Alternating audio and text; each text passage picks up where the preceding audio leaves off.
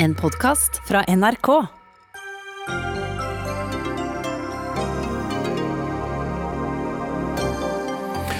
Regjeringen anklager Russland for å stå bak datainnbruddet på Stortinget, mens Politiets sikkerhetstjeneste foreløpig ikke vil peke i samme retning. Hurtigruten kutter alle seilinger sørover mellom Bodø og Bergen. Dette er galskap, og kysten må protestere, fortviler havnesjef, som ikke lenger får besøk av skipene. Verdensøkonomien har fått det litt bedre siden juni, men fremtiden er høyst usikker, ifølge Det internasjonale pengefondet. Hva bør vi forvente oss i Norge? Og bare kvinner skal dømme i håndball-EM for kvinner. Det er ingen seier for likestillingen. Dommerne er nemlig ikke kvalifiserte nok, sier tidligere internasjonal håndballdommer som kommer til Dagsnytt 18.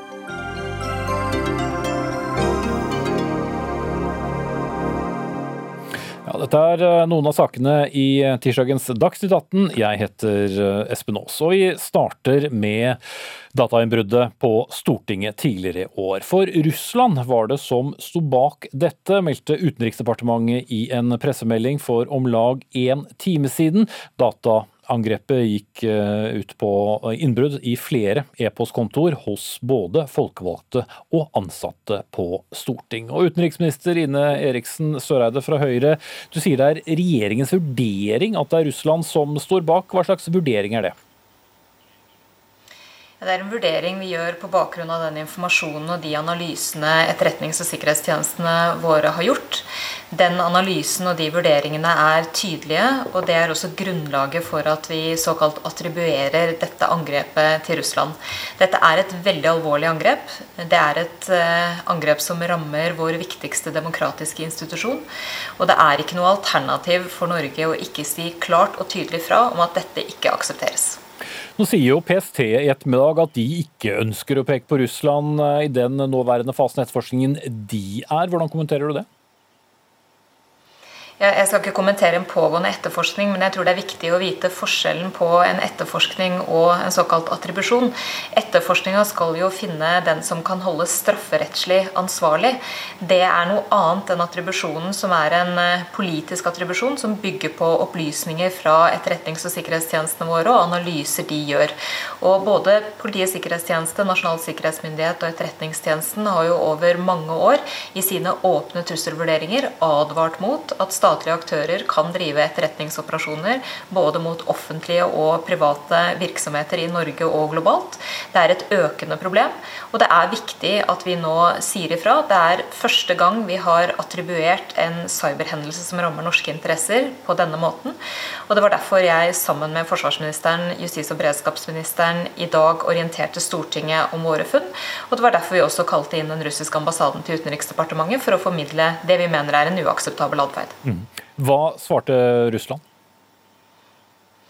Russland skal få lov til å uttrykke sine meninger, men det som er viktig å understreke, er at eh, vi ønsker fortsatt et pragmatisk og praktisk forhold til Russland. Samtidig kan vi ikke akseptere denne type angrep på våre viktigste demokratiske institusjoner.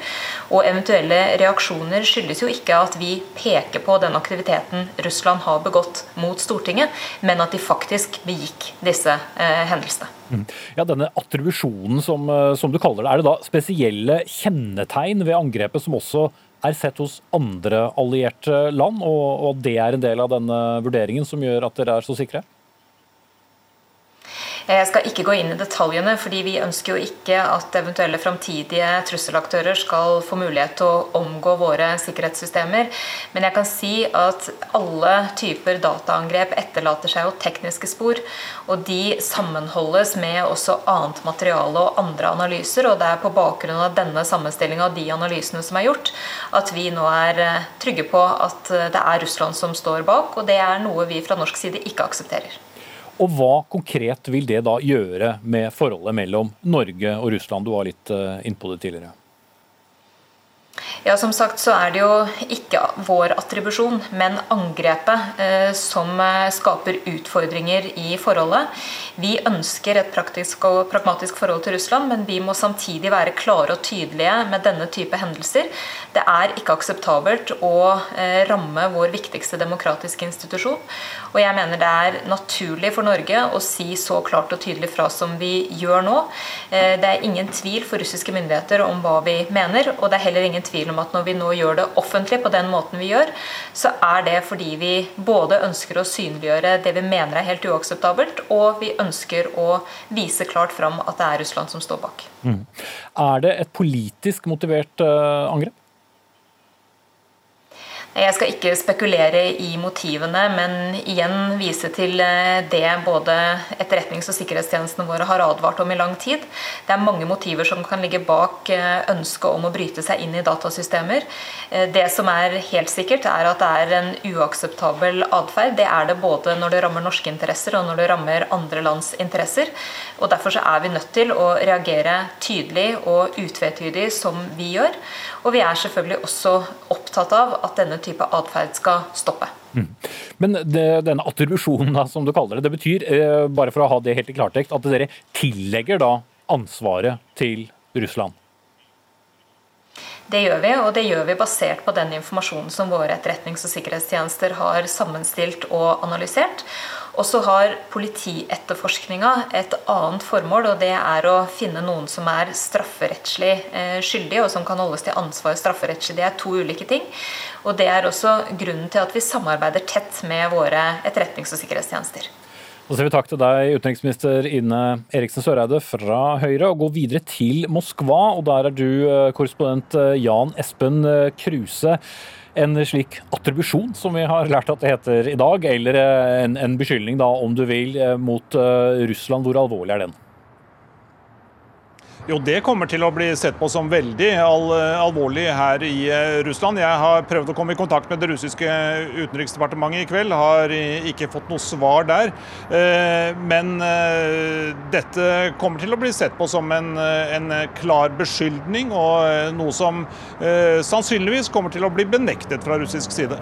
Ja, for det er det som er mest sannsynlig fra russisk side. De vil aldri innrømme et slikt eh, angrep, uavhengig om de da selvfølgelig sto bak det eller ikke? Nei, Hvis det er eh, russisk etterretning som står bak, så eh, kommenterer man aldri det. Eh, den vanlige er å si at dette er et nytt forsøk fra Vestens side på antirussisk propaganda.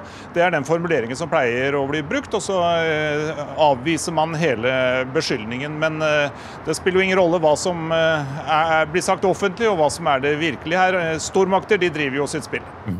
Og Her er det jo da snakk om innbrudd på e-postkontoer til folkevalgte folkevalgte i nasjonalforsamlingen til et land som Russland eh, deler grense med. Eh, så dette er uansett en ganske alvorlig situasjon som har oppstått mellom de to landene. Ja, dette vil eh, påvirke forholdet mellom Norge og Russland helt klart negativt. Eh, forholdet er jo meget anstrengt fra før. Russerne er fryktelig irritert på eh, Natos øvelser i nord. Man er, man er irritert på det generelle politiske bildet. Nye straffetiltak som kommer fra vestlig side stadig vekk. I Russland så mener man at dette er forsøk på å isolere Russland og gjøre alt samarbeid med landet mye vanskeligere. Ja, da sier vi takk til deg, Jan Espen Kruse, som fortsetter å følge denne saken for NRK fra Moskva.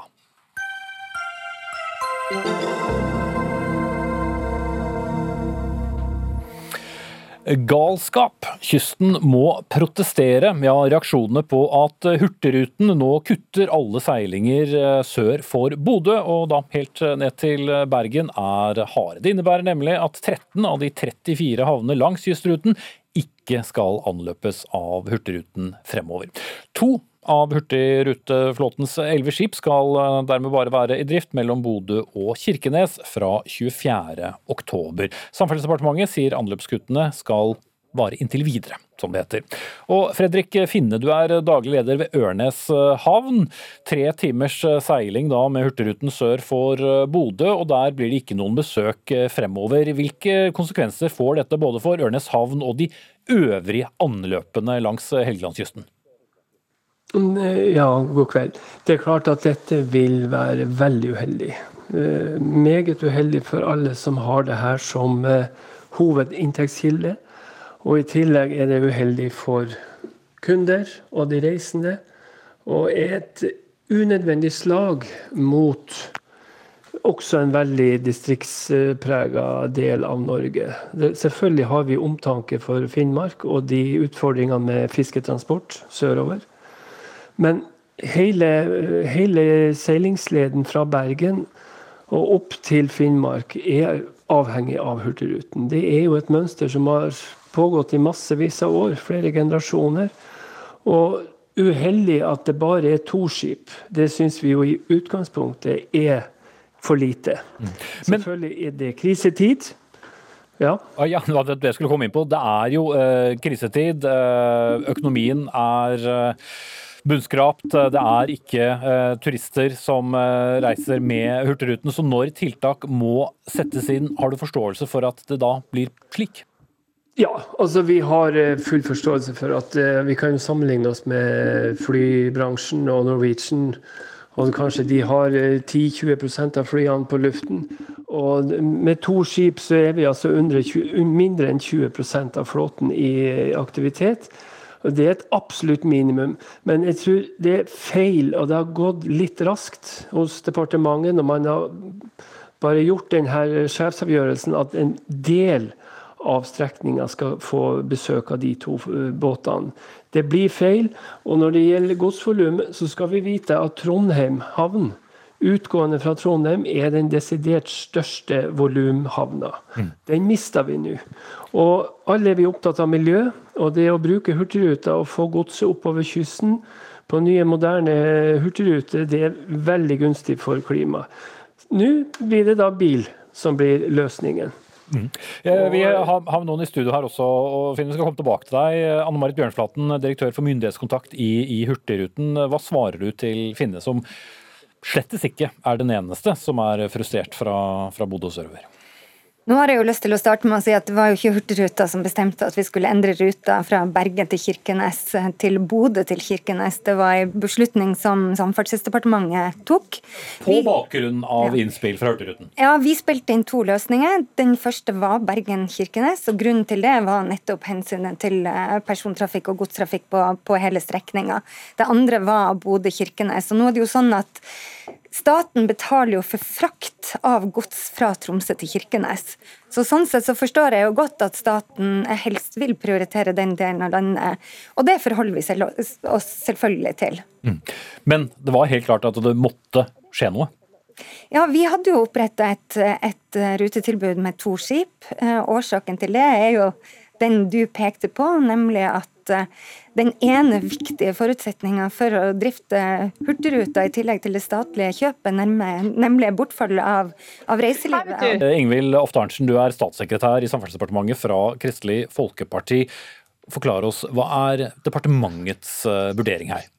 Jeg vil jo først begynne med å si at jeg har stor forståelse for Finne, som er Jo, jo, nå har dere begynt å være deres dere vil først, ja. men uh, Nei, problematikken. Men når uh, Hurtigruta av gode grunner i den ekstraordinære situasjonen vi er i, ber om å få ta ned til to skip, uh, så har vi etter å ha fått mange innspill fra lokalsamfunn langs kysten, og da spesielt i Nord-Norge, funnet ut at at det er Nord-Norge som er mest sårbar for at, at kystruta har redusert drift. Og da har vi konkludert med at vi vil ta opp, eh, eller sette to skip inn på Bodø-Kirkenes eh, for å sikre at både passasjerer og gods i Nord-Norge, der det er ekstra behov for Hurtigruta nå når vi går inn i denne sesongen med kanskje vinterstengte veier og eh, en fiskeindustri som går inn i høysesong, mm. har vi konkludert med at Men det er 13 havner som Hurtigruten nå ikke kommer til å legge til? Ja, og da skulle vi ønske at det ikke var tilfellet, fordi vi, vi, vil ha full drift på kystruta, sånn som både Hurtigruta og Finne og alle eh, langs kysten ønsker. Men i den situasjonen vi er i nå, så har vi måttet gjort noen vanskelige valg, og da har vi konkludert med at det er Nord-Norge nord for Bodø som er der eh, Hurtigruta kanskje betyr mest i den sesongen vi går inn i nå, og derfor så har vi bedt Hurtigruta om å gå fra Bodø til Kirkenes. Mm. Men hva er deres konsekvensutredning da for Ørnes og de andre havnene? Vi har stor forståelse for at det kommer til å få konsekvenser for uh, kysten sør for Bodø. Uh, og vi håper jo at vi raskt kommer tilbake til en normalsituasjon. Hvor tid det skjer, det er det ingen av oss som kan spå. Men vi vil jo ha en tett dialog med Hurtigruta og kysten om hvor tid vi kan trappe opp når vi er klar for det. Mm. Fredrik Finne, hvor tett føler du dialogen har vært? Det har jo vært veldig lite dialog. Det var jo et sjokk å se på nyhetsbildet i dag. Og eh, jeg, jeg, hørte et argument her med vinterstengte veier. Jeg kan jo si at E6 eh, e over Saltfjellet, altså livsnerven mellom Bodø og Mo i Rana, i fjor vinter var den stengt 28 dager. Og Da er Hurtigruten livsnerven da på sjøen. Og Da opplevde vi voldsom pågang med bilister og gods som skulle opp og ned. Eh, Bjørnflaten, eh, spørre deg, altså hvorfor er det bare mulig å ha to skip i drift. Ved å sette inn et tredje kunne man kanskje sett for seg at uh, skipene kunne gått lenger sør enn uh, en Bodø. Så Hurtigruta har faktisk siden 1893 hatt en kombinasjon av gods, eh, persontrafikk, lokaltrafikk og turisme om bord på våre hurtigruteskip langs kysten. Og nå når hele reiselivsdelen ligger nede, når det ikke er turister som kommer til Norge, eh, som betyr at 90% av kundegrunnlaget vårt har falt bort, så er det rett og slett ikke mulig for oss å, å opprettholde det kystrutetilbudet vi har. Det faktisk, økonomisk. økonomisk. Det er faktisk sånn at i motsetning til hva mange tror, så er det turismen som sponser lokaltrafikken, og som gjør det mulig for oss å ha 11 skip og 24 500 anløp, ikke det statlige kjøpet. Skulle staten betalt det det koster å drifte de 11 skipene, ville man måtte ha betalt mer enn dobbelt så mye som i dag. Jo da, jeg skjønner at men det var vel heller aldri snakk om å, å ha alle 11 skipene i drift, men det at dere ikke får turistinntekter, går utover Ørneshavn og andre havner. Men er det enten to skip eller elveskip? Altså, kunne man hatt tre? Nei, altså det er sånn at allerede i dag, med bare to skip, så taper vi faktisk rett og slett penger på det. Men grunnen til at vi har ønsker å opprettholde en, en, en, minimumstilbud av to skip, er jo nettopp fordi at vi vet hvor viktig Hurtigruta er for kysten, nettopp når det gjelder lokaltrafikk og gods. Og Derfor har det vært viktig for oss å opprettholde det minimumstilbudet. Og så er det jo som Arntzen sier, eh, så snart man ser en lettelse i reiserestriksjonene, så kommer vi jo sammen med departementet til å se på hvordan vi kan trappe opp så raskt som mulig. Men det vet jo ingen når det er. Men Arntzen, det er jo brukt mye penger på å holde både Hurtigruten og veldig mye annet her i, i Norge eh, i live. Men hele strekningen da fra Bodø og sørover, eh, eller Bodø er unntatt dette her, da, men alle disse 13 havnene, de er ikke viktige nok, rett og slett? eller? De er veldig viktige, og derfor har vi jo òg i normalsituasjonen kystruta som staten bruker en betydelig sum på eh, for å opprettholde trafikken langs hele kysten. Men nå står vi i en ekstraordinær situasjon der vi har måttet ha tatt noen valg. og og transportsektoren er spesielt hardt ramma. Og da har vi eh, valgt at, eh, å prioritere Nord-Norge nord for Bodø, der vi ser at eh, både sårbarheten og avhengigheten av kystruta er større enn mange av de andre plassene eh, sørover. Mm. Ja, det er jo eh, ikke noe tidsaspekter her, Fredrik Finne, men hvor, hvor, god tid har du? Hvor lenge går dette, slik du ser det, fra, fra din brygge? Nei, altså Det er vanskelig å komme med et konkret svar på det. Men eh, det, det med tid er jo essensielt her for, eh, for alt. For eh, egen bedrift og for kundene sitt videre liv, og om det skal oppstå alternative veier for godset.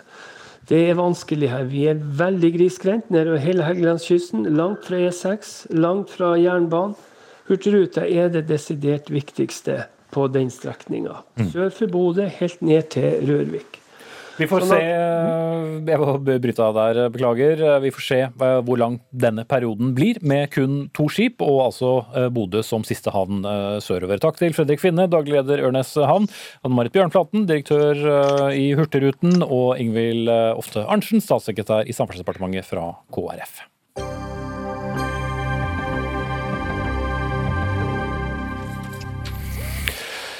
Det har uh, vakt eh, sterke reaksjoner at bare kvinnelige dommere skal dømme i håndball-EM for nettopp kvinner, som arrangeres i Norge og Danmark i desember. Det høres kanskje ut som et uh, paradoks, men uh, dere skal straks bli klokere. En av dem som slakter denne avgjørelsen, er nemlig en av Norges fremste internasjonale håndballdommere, nemlig deg, Guro Røen. For du kaller dette det motsatte av likestilling. Gjør oss litt eh, klokere for at dette ikke er en gladnyhet som det kanskje kunne høres ut som umiddelbart. Ja, slakte er kanskje litt hardt å ta i, men jeg tenker jo at det å sette på eh, ti dommerpar som er kvinnelige, hadde de vært eh, på eh, høyt nivå og prestert høyt eh, over lengre tid internasjonalt, så hadde det vært eh, kjempebra og en gladnyhet. Men når vi vet at flere av de dommerne ikke holder det nivået som trengs eh, i et EM, så er det synd for de dommerne som er gode nok, og ikke minst for, for kvinnemål. Mm. Så, men hvorfor har vi kommet dit hen at vi ikke ikke har nok kvalifiserte kvinnelige dommere? Eh, det tror jeg kommer av eh, altså Det er ganske komplekst. Nå er det sånn at eh, Hvis man skal ha internasjonale dommere, så er man avhengig av at de nasjonale forbundene utvikler gode dommere, som da kan løftes opp internasjonalt etter hvert. Og Tradisjonelt så har idretten vært mannsorientert, og det har vært mange menn i lederroller, så det vil jo ta tid å da få opp kvinnelige dommere og utvikle dem. Eh, og det har man lykkes med internasjonalt. Når man har hatt gode dompar nasjonalt, så har man løfta opp eh, disse til å dømme eh, e-cupkamper og etter hvert da juniormesterskap og seniormesterskap. Så det å utvikle, utvikle kvinnelige dompar, det, det, er kjempeviktig. Men jeg tror det å sette kvinnelige dompar som ikke eh, har nivået ennå, rett inn i et EM, kan være uheldig da, for utviklinga. Mm. Eh, det er ikke sånn at det blir dobbelt så bra når vi har eh, ekko, det er det sikkert. Dere er mange foran TV-apparater og radioapparater som tenker over nå. Vi har eh, problemer med, med en lekkasje som gjør at vi har fått denne ekkoeffekten på, på lyden på, på røden her. Men Øyvind Togstad, du er medlem av TRC, altså dommerkomiteen i det europeiske håndballforbundet. Har dere valgt dommere først og fremst etter kjønn og ikke etter erfaring og kompetanse her? Eh, ikke nødvendigvis at vi ikke har valgt etter kjønn. Eh, Dette har vært en bevisst satsing innen EOF i flere år nå. Og det er jo ikke sånn at vi, starter en nominasjonsprosess eh, uka før nominasjonene er klare. Alle de dommerparene som er oppnevnt her, vil håndtere de EM-kampene i desember med, med god hånd. Nå er det også sånn at Flere av de dommerparene her har vært ute i en vinterdag før. Eh, mange av dem har dømt eh, seniormesterskap tidligere. Eh, også dømmer i VM for herrer. I tillegg, i det daglige, så dømmer jo omtrent samtlige av herrene her i, i Champions League-matcher.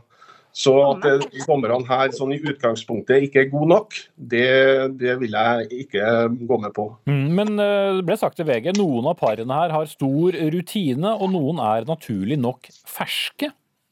Selvfølgelig vil det jo være sånn. Det må være første gangen for alle. Eh, når landslagene nå tar ut spillere, så tar de med seg unge spillere som skal debutere. Og Akkurat den samme dynamikken har vi også innenfor dommere. Hvor er det vi skal utvikle dem hvis de ikke skal, aldri skal få sjansen. Så det her er i trapp, og vi mener at de ti parene her er kapable til å ta det ene her. Mm. Men er altså et EM eh, det rette stedet å få denne kompetansen? Kan vi stole på at uh, dømmingen blir riktig? Helt klart at vi kan stole på det. Nå, nå, sa jeg jo innledningsvis at det, det, er jo ikke bare EM de dømmer her. De her er Dommerparene her har vært gjennom yngre mesterskap. Og som sagt så dømmer de daglig i både europacupene og Champions League. Både for herrer og damer. Mm. Ja, Røen, er du litt for negativ her?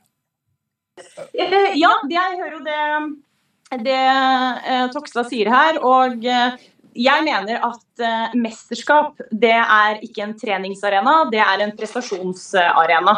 Og eh, da kan man heller ha en plan for eh, trening av dommerne i e-cupkamper, i, um, i juniormesterskap. Og de som hevder seg i juniormesterskap og hevder seg i e-cupkampene, kan da komme inn og dømme og få testa seg på eh, EM eller i mesterskapene. Og det er forskjell på å sammenligne dette med eh, Høyre og Tokstad sammenligner det med at det blir som at unge juniorspillere skal få trent eller få trening og erfaring fra mesterskap. Eh, den sammenligningen er jo ikke helt lik, med tanke på at som dommer så kan du faktisk ikke bytte ut hvis du ikke håndterer nivået. Og det, det tenker jeg er litt uheldig, da, eh, å gamble på det. Mm, svar på det, Tokstad. Jeg hører jo at man snakker om gambling her. og eh, For meg så er det jo også snakk ned et mesterskap, det som sies her. Vi ønsker jo selvfølgelig å utvikle de beste dommerne. Og så er det jo sånn i en dommerverden at du aldri er ferdig utdanna. Eh, det er ikke så enkelt som, som det fremstilles. Vi har omtrent knips i fingrene her og så sette inn de såkalte beste. For meg så ligger det jo i bakgrunnen her at det beste er herreparene. Men eh, per dags dato så har jeg fortsatt ikke sett et herrepar som har dømt en feilfri kamp heller. Men sender du et signal eller dere da, om at det ikke er så farlig med dommerkvalitet i kvinnehåndball? Heller motsatt. Vi, vi, ønsker å bruke det her i, i eh, utviklinga til dommerne for å gjøre dem klar til enda, enda flere mesterskap. Uh, nå er det ikke sånn at vi tenker kun ett mesterskap. Uh, reglene er jo sånn nå at man utvider mesterskapene med antall nasjoner. Så neste damemesterskap, på samme måte som herremesterskapet var i januar, er jo med 24 lag. 24 nasjoner, og det krever at vi har enda flere gode dommere. Mm. Ja, Røen, Hva slags konsekvenser tror du dette kan få da for anseelsen til kvinnehåndballen, med, med dine noe mer kritiske briller på? Ja, først vil jeg bare få utfordre Tokstad på å si at det er herreparene som er kvalifisert som de beste. Eh, søstrene Bonaventuras fra Frankrike dømmer fast i fransk eh, liga og er eh, blant de mest meritterte dommerne i verden. De får ikke dømme fast i Champions League herrer eller i herremesterskap, selv om de blir forbigått av mindre meritterte menn. Så det tenker jeg bare er en sånn viktig ting å påpeke. Ok, Og anseelsen. Hæ? Og så til anseelsen til slutt. Ja, det jeg tenker er at Dette kan minne litt om det man har gjort i, i, fotballen. At man uh, har delt inn og tenkt at kvinner skal dømme kvinner, menn skal dømme menn. Og Vi har sett hvordan nå kvinnefotballen må fighte for anseelsen sin for å komme på samme eh, nivå da, som for herrene. og Det er det jeg er redd for nå. Det er det jeg mener med at dette er flere steg tilbake i utviklinga. fordi den utfordringa har vi ikke hatt på samme måte på kvinnehåndballen. Det har vært likere om man har på en måte Håndballjentene og håndballgutta har hatt, uh, hatt høy status begge, begge kjønn. så så jeg er redd for at dette er med på å svekke anseelsen til kvinnehåndballen, og lurer også på om Det europeiske håndballforbundet tar kvinnehåndballen eh, like seriøst som herrehåndballen. Mm. Hele går av stabelen i desember altså. Takk til Øyvind Tokstad, medlem av TRC, dommerkomiteen i Det europeiske håndballforbundet, og Guro Røen, tidligere internasjonal håndballdommer, håndballdommer.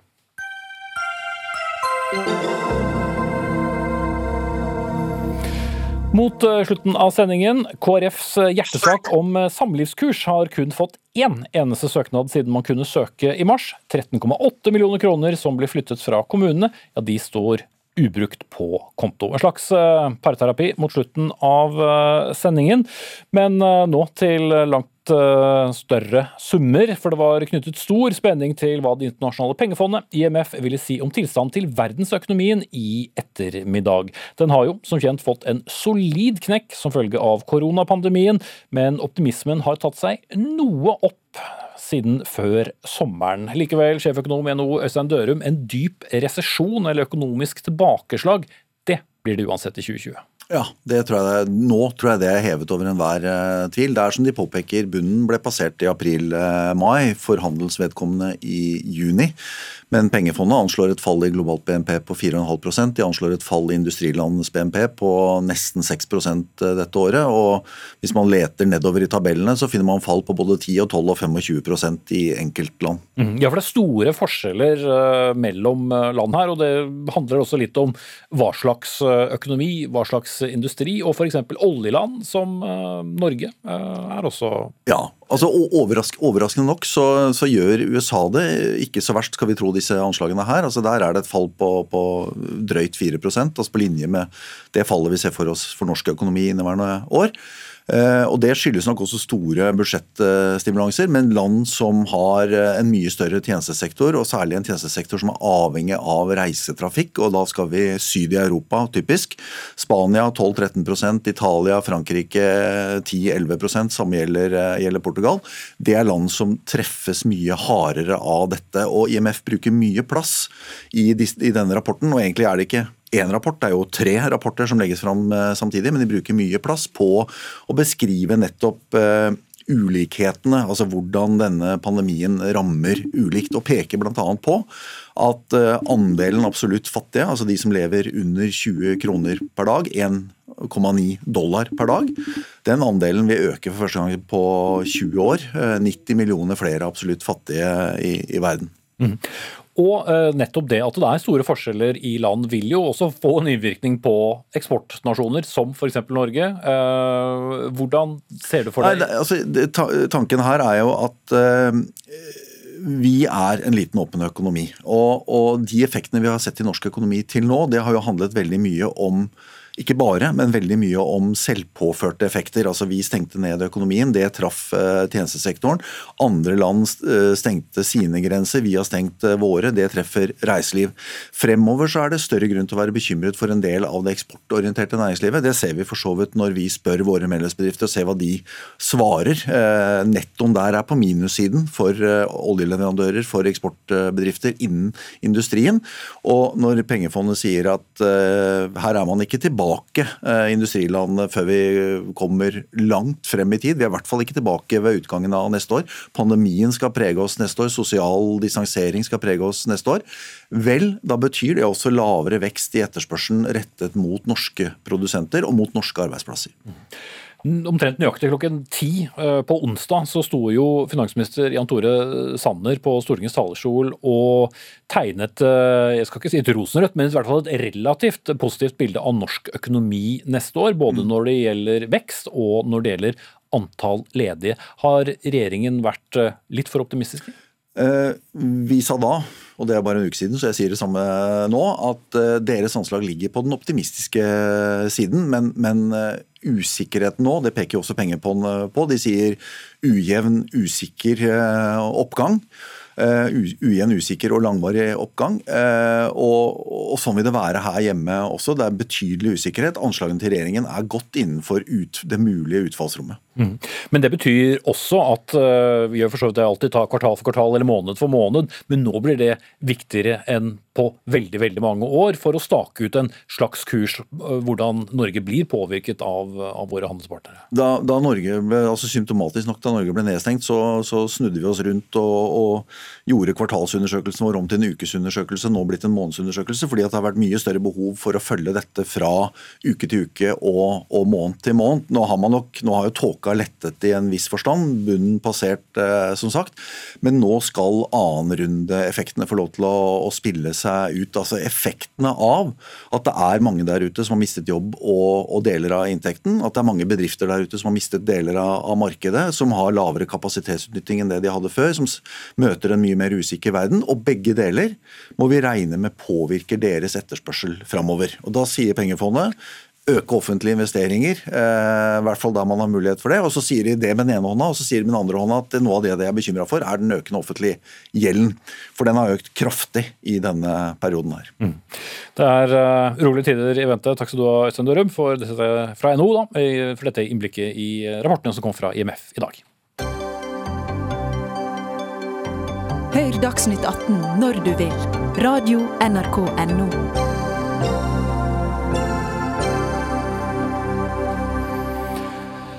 Tusenvis av kommunale leiligheter med verdier for flerfoldige milliarder ligger nå i potten idet regjeringen vil endre det som heter stiftelsesloven. Og den Endringen gjør det mulig for kommuner å avvikle kommunale boligstiftelser og selge leilighetene. Det er ikke mulig i dag. Forslaget har møtt eh, motstand fra nær samtlige boligstiftelser, mens flere kommuner er positive til eh, forslaget, skriver Klassekampen eh, nå denne uken. Og hver tredje kommune har opprettet slike boligstiftelser. Og vi skal til en av dem, nemlig Svartlamoen boligstiftelse i Trondheim, og der er du daglig leder, Katrine Emilie Standal. Hva er du bekymret for når det gjelder eh, dette forslaget om endring i stiftelsesloven? Nei, eh, nei, jeg er først og fremst eh, opptatt av eh, leietakerne, som ikke er nevnt i dette høringsforslaget i det hele tatt. Eh, de, alle de som bor i disse boligene, har jo nå en usikker framtid når denne loven er eller endringen kan skje. Mm. For Det du er da bekymret for, er at uh, mange kommuner kommer til å løse opp uh, boligstiftelsene og selge ut leilighetene, og at de som i dag har tilgang til disse kommunale leilighetene, får problemer med å finne sted å bo.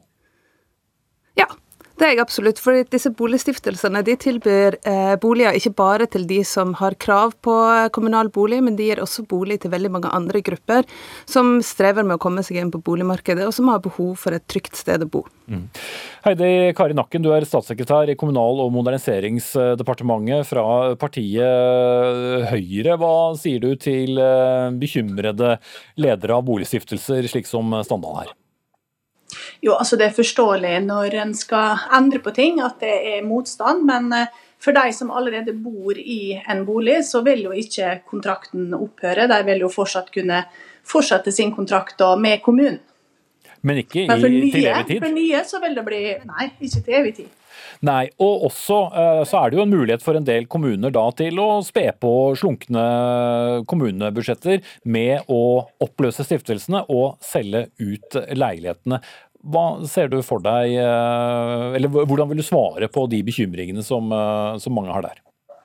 Først og fremst så vil kommunene ha muligheten på en bedre måte å utøve sine tjenester overfor de som trenger kommunal bolig, og de som er vanskeligstilte i boligmarkedet. Det som er intensjonen her, ikke et utsalg. Eh, kommunene har ansvaret i dag. Eh, de skal levere tjenester.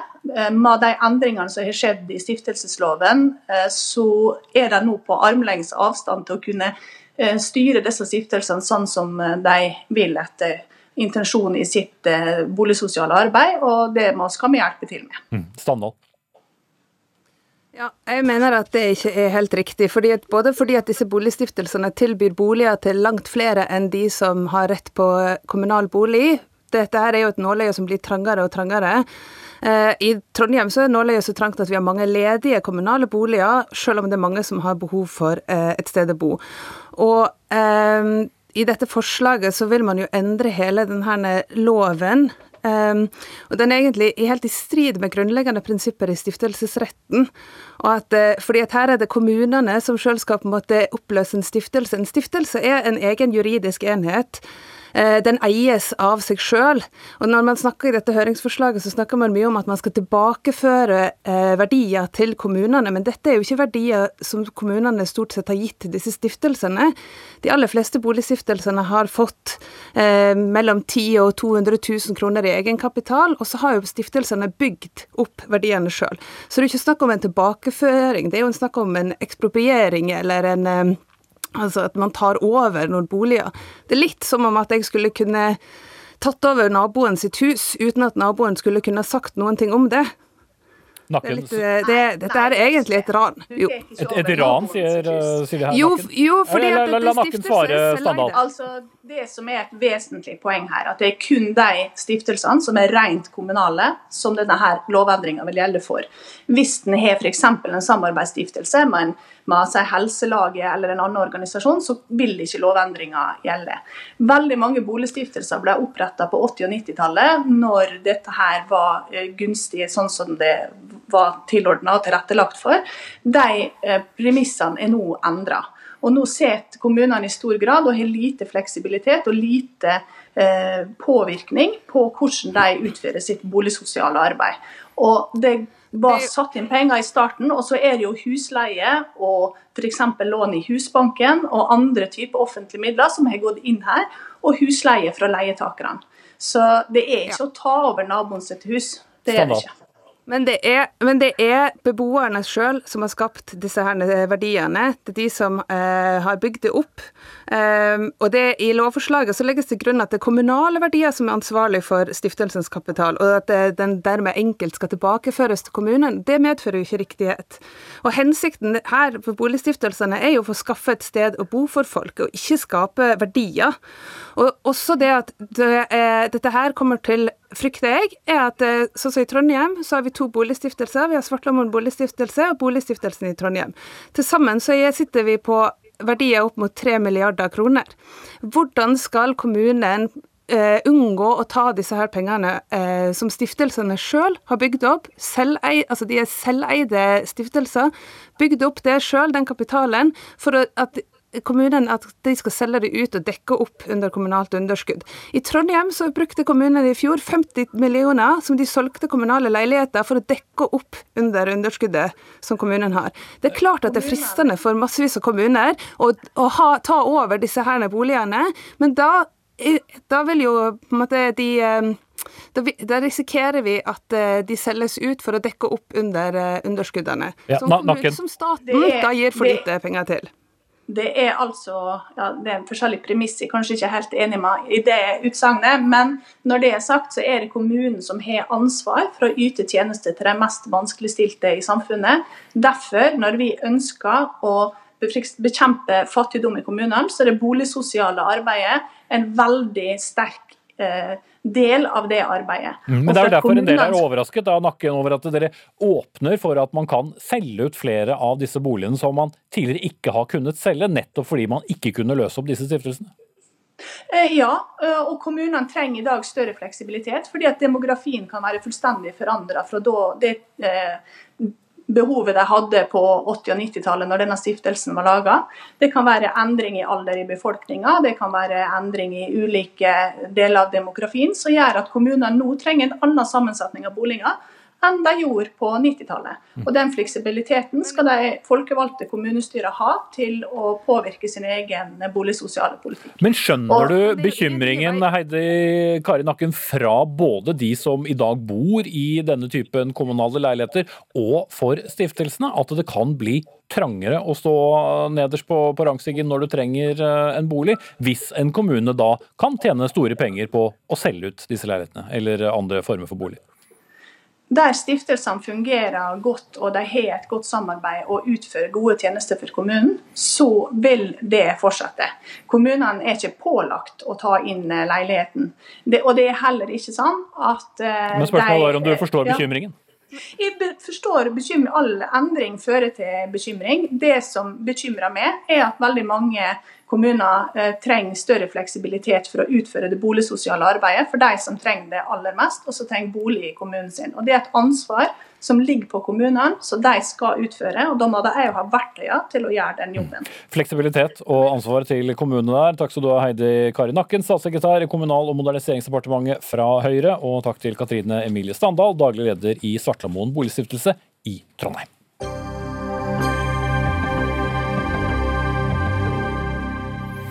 Ja, Fra en type salg til eh, en annen, kan vi vel si, skal norske eh, skogsområder i Namdalen i Trøndelag kunne kontrolleres av tyskere. Spørsmålet dukker nå opp etter at investor Ola Mæle har solgt aksjene i et eh, selskap som eier nesten 600 000 dekar eiendom, hvorav 200 000 av dem er norsk skog. De som kjøper aksjene, er tyske. Og fordi det er et aksjesalg og ikke et rent eiendomssalg, ja, så er det heller ikke nødvendig med konsesjon. Og ifølge Trønderavisa var Statskog inne i denne budrunden om eiendommene, men måtte gi seg da prisen gikk for høyt. Bare legge til at selve salgssummen her ikke er kjent. Vidar Skogan, statssekretær i Landbruks- og matdepartementet fra KrF. Er det problematisk at man ved å kjøpe opp aksjene i et selskap som eier store eiendomsområder, dermed overfører det til utenlandske eiere?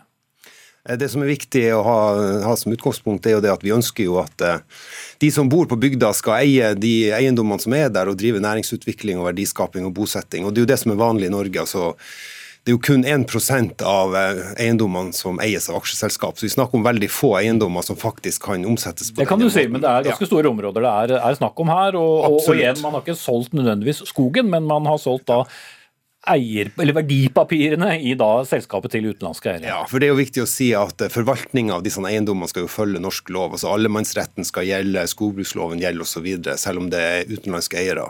Og Det blir litt sånn som når nord nordmenn kjøper eiendommer i Sverige og i andre land, så må, må, også nordmenn forholde seg til det landet sitt lovgivning. Det er mange nordmenn som eier skogeiendommer i utlandet. Men så til, til liksom saken, så er det jo viktig å si at eh, det er jo et lovverk fra 2003 som styrer det her. Og Det denne regjeringa, eller min regjering har gjort, er jo å ha gjort akkurat det samme som den rød-grønne gjorde når de kjøpte Borregaard. De fikk tatt ei verdivurdering. Vi brukte faktisk samme takstmann som den rød-grønne regjeringa. Og så fikk vi beregna hva var på en måte reell verdi på denne eiendommen, og så fikk Statskog anledning å by det.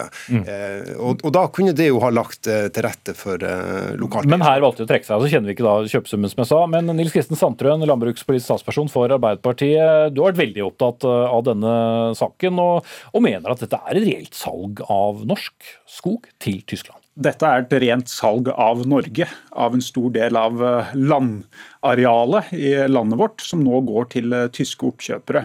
Men det forsvinner jo ikke ut av landet, man kan ikke flytte den skogen ned til Tyskland? Kontrollen over naturressursene forsvinner. Eh, mulighetene for å drive jakt, fiske, friluftsliv for mange folk lokalt kommer etter hvert til å bli mer begrensa. Og problemet ligger i at dette er et resultat av Sylvi Listhaug sin politikk da hun var landbruksminister fra Frp. For Sylvi Listhaug hun oppheva den demokratiske kontrollen som vi har hatt på priser på skog i Norge. og det har ført til det paradokset at det rike oljelandet Norge oss i fellesskap, staten, ikke har råd til å kjøpe sin egen grunn.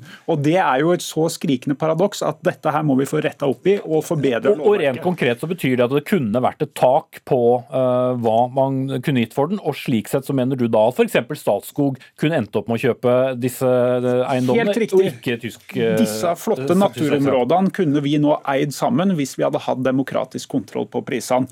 På samme måte som vi tok kontroll over hvordan det gikk med vannkrafta vår for over 100 100 år siden eller med oljeressursene. Dette er avgjørende for framtida til rikdommen til landet vårt. Ja, det er jo litt sånn forunderlig å sitte og høre på Sandtrøen og Arbeiderpartiet her. De satt altså i åtte år og styrte Norge og hadde rent flertall på Stortinget og forvalta det lovverket som gjelder i dag. Denne regjeringa har ikke endra et eneste lovgrunnlag i forhold, til, den, i, forhold, i forhold til denne saken. fordi at det som er greia er at Fram til 2003 så var det også konsesjonspliktig når du eh, omsatte et aksjeselskap. Og Så ble det tatt bort i eh, jo, Poenget til Sandtrøen er jo prisen jo. og taket på, ja, på prisen. Det, det, er på en måte, altså Selger uh, velger jo sjøl uh, hvem han, han, selger til og hva han får for en, en eiendom. Slik at, men ikke er tak? Ja, men i forhold til prisen, om du er det, det, kommer ikke til å endre om en utenlandsk kjøper eller en norsk kjøper gjør det. altså Det er bare du innenfor den prisen som eventuelt et tak ville ha satt. Men dette så, så tilfellet det... ga jo Statskog seg fordi de mente det ble for dyrt. Mm.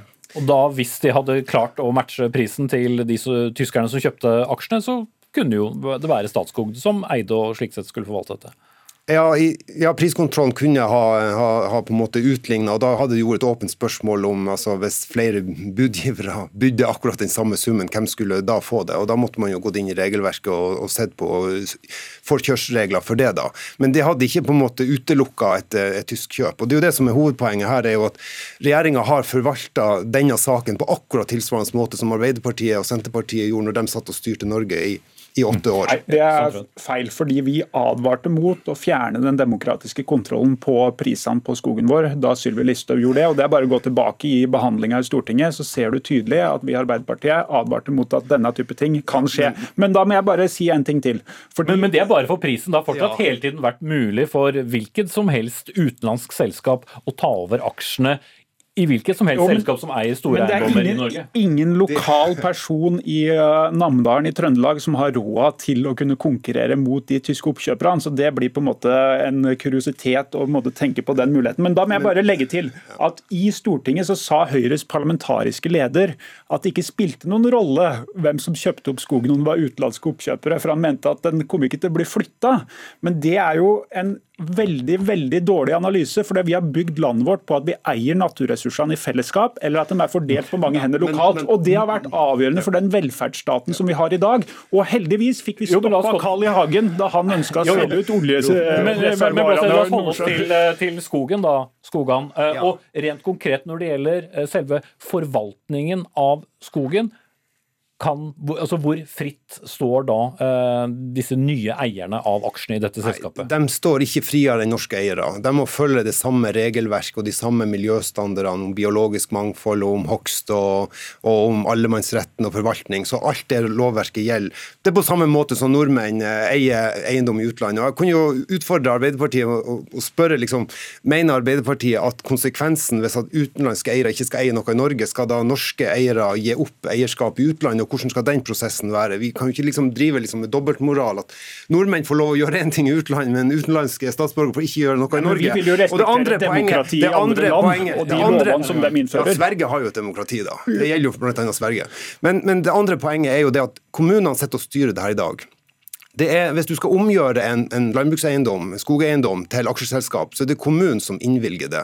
Og Så kan vi omgjøre på statlig nivå hvis vi mener at det blir feil. Og Denne regjeringa har også omgjort eh, vedtak om omgjøring til aksjeselskap. Så vi har en veldig streng politikk. Vi ønsker ikke at aksjeselskap skal eie Norge. Her, her, men, men, det er en mulighet. Men det må være veldig kort til slutt, Sandtrøen. Ja, det er helt riktig, for her ble det mye prat. Konsekvensen er at den lokale bussjåføren i Trøndelag som går ut med kaffetermosen og den grå elghund, nå kan kan miste muligheten til å jakte, og det kommer inn tysk finanselite med lederhåsen, som dermed utkonkurrerer de lokale folka sin mulighet til å leve gode liv lokalt og ha verdiskapninga som de absolutt trenger i framtida. Ja, vi vet ikke hva de kler seg i, men vi har for øvrig snakket med Ola Mæle i dag. Han sier til Dagsnytt 18 at Namdal Bruk er feil adresse for debatten. Eiendommen er eid av utlendinger og industriselskaper som eh, Norske Skog, og har vært et aksjeselskap i lang tid. Men fordi han var langt til skogs og på en dårlig linje, kunne han ikke delta her. Men takk til til Nils Kristen Sandtrøen fra Arbeiderpartiet og statssekretær Vidar Skogan fra Landbruks- og matdepartementet.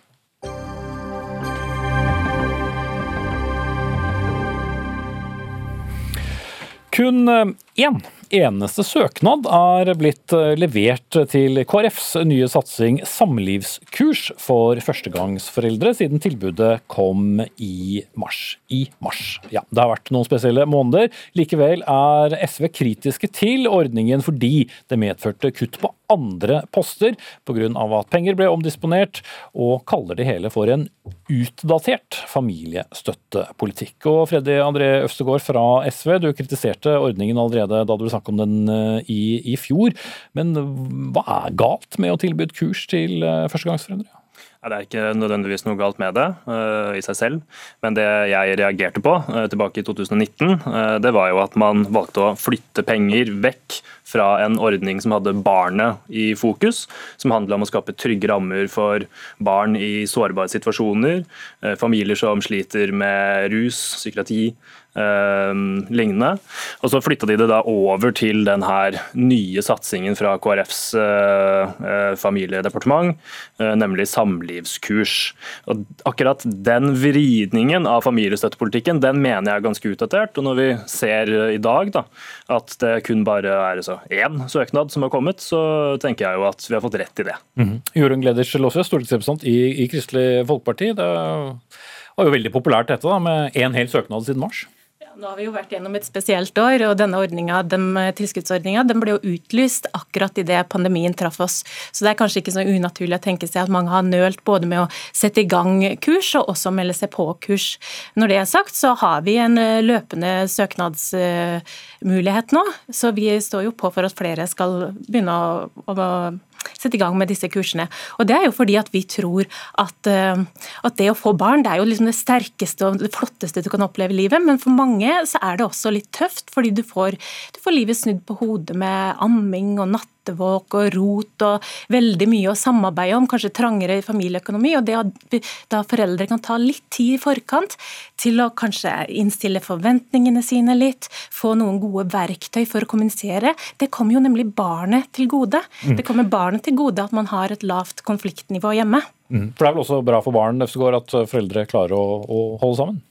Ja, altså det vi tror det er stort sett. Men eh, på den andre ordninga som ble kutta, der hadde vi jo tiltak som f.eks. til et, eksempel er Birkenes kommune, da, som fikk eh, penger til å jobbe mot vold i nære relasjoner. Um, og Det er bare ett av mange gode tiltak som fikk støtte over den ordninga som KrF valgte å kutte for å få rom til sin uh, kjepphest. Og, og, jeg mener jo at det er, det er helt greit, uh, og jeg er veldig enig uh, i det Jorunn sier om ja, de positive tingene da, med å, å trygge på en måte samlivet i en familie. Men den ordningen som eh, KrF har valgt å satse på her, har jo også som uttalt mål uh, å redusere og forebygge skilsmisser. Uh, og jeg tenker at Det uttalte målet i denne familiestøttepolitikken må være å gi trygge rammer for barn, helt uavhengig av hva slags samliv som foreldrene eventuelt måtte ha. Mm, men ingen er for skilsmisser nødvendigvis av den grunn. Men likevel altså Vi skal bruke ordet skilsmisse her. Vi er for å forebygge samlivsbrudd. ikke sant? for folk er jo ulike familiekonstellasjoner. Jo da, men, men folk forstår sikkert hva jeg mener. Men innen samme perioden så har jo, om enn etter en viss tids uh, stengning, familievernkontorer, parterapeuter og andre også vært uh, åpne. Er det ikke likevel betegnende at det bare ble én søknad? På ingen måte. Vi er inne i et spesielt år. og nå skal vi, Det her er en satsing, og det er en veldig spennende satsing. Vi skal rulle den ut for fullt. Jeg synes det, det, blir for dumt å sitte og evaluere en ordning som ikke er, er etablert engang. Men det som er så spennende med det her, er at uh, vi tenker litt nytt i familiepolitikken. Det kan nesten virke som SV har litt berøringsangst for det som går på samliv og samlivskurs og sånn, at de ikke tør å spørre seg spørsmål hvorfor, eller hva kan vi gjøre i familiepolitikken for at færre familier skal gå i oppløsning? Mm. Men likevel er jo penger flyttet, vi... som, eh, som Øvstegård sier, da, fra eh, andre tiltak, og så blir jo nå pengene likevel bare stående på konto. Ja vel, fordi vi er inne i en koronapandemi, men eh, ville ikke pengene blitt brukt nærmere barn dersom det hadde blitt brukt på den gamle måten? Ja, vi ser det, at når familier går i oppløsning, så åpner det for en hel rekke typer sårbarhet. Eh, Øvstegård, som er familiepolitiker sånn som meg, han vet det at når familier går i oppløsning, og noen blir enslige forsørgere f.eks., så eh, barn av enslige forsørgere de er overrepresentert blant eh, de familiene som strever med barnefattigdom.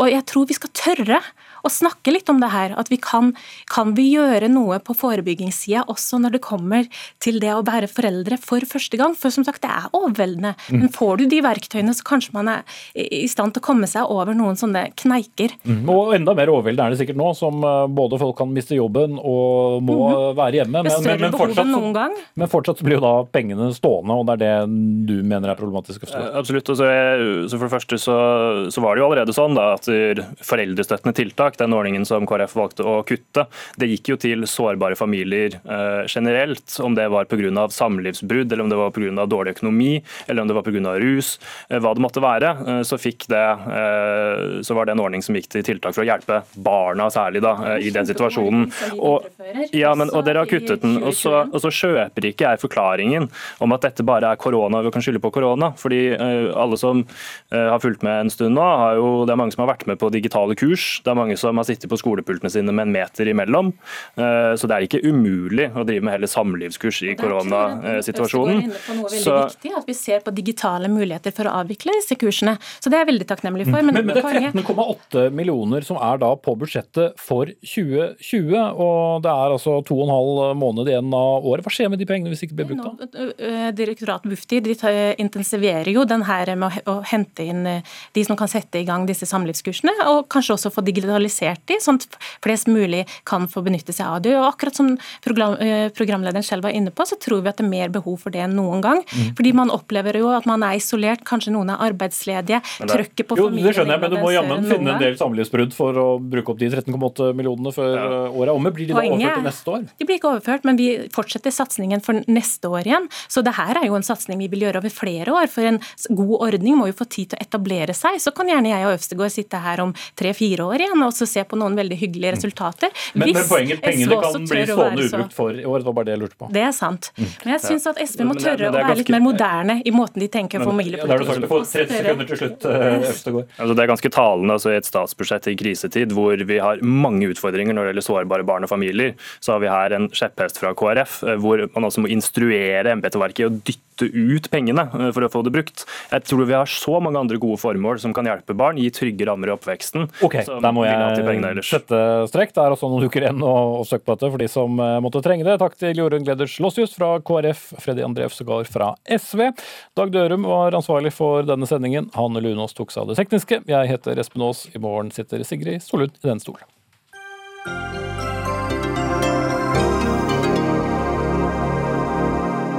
Du har hørt en podkast fra NRK. Hør flere podkaster og din NRK-kanal i appen NRK Radio.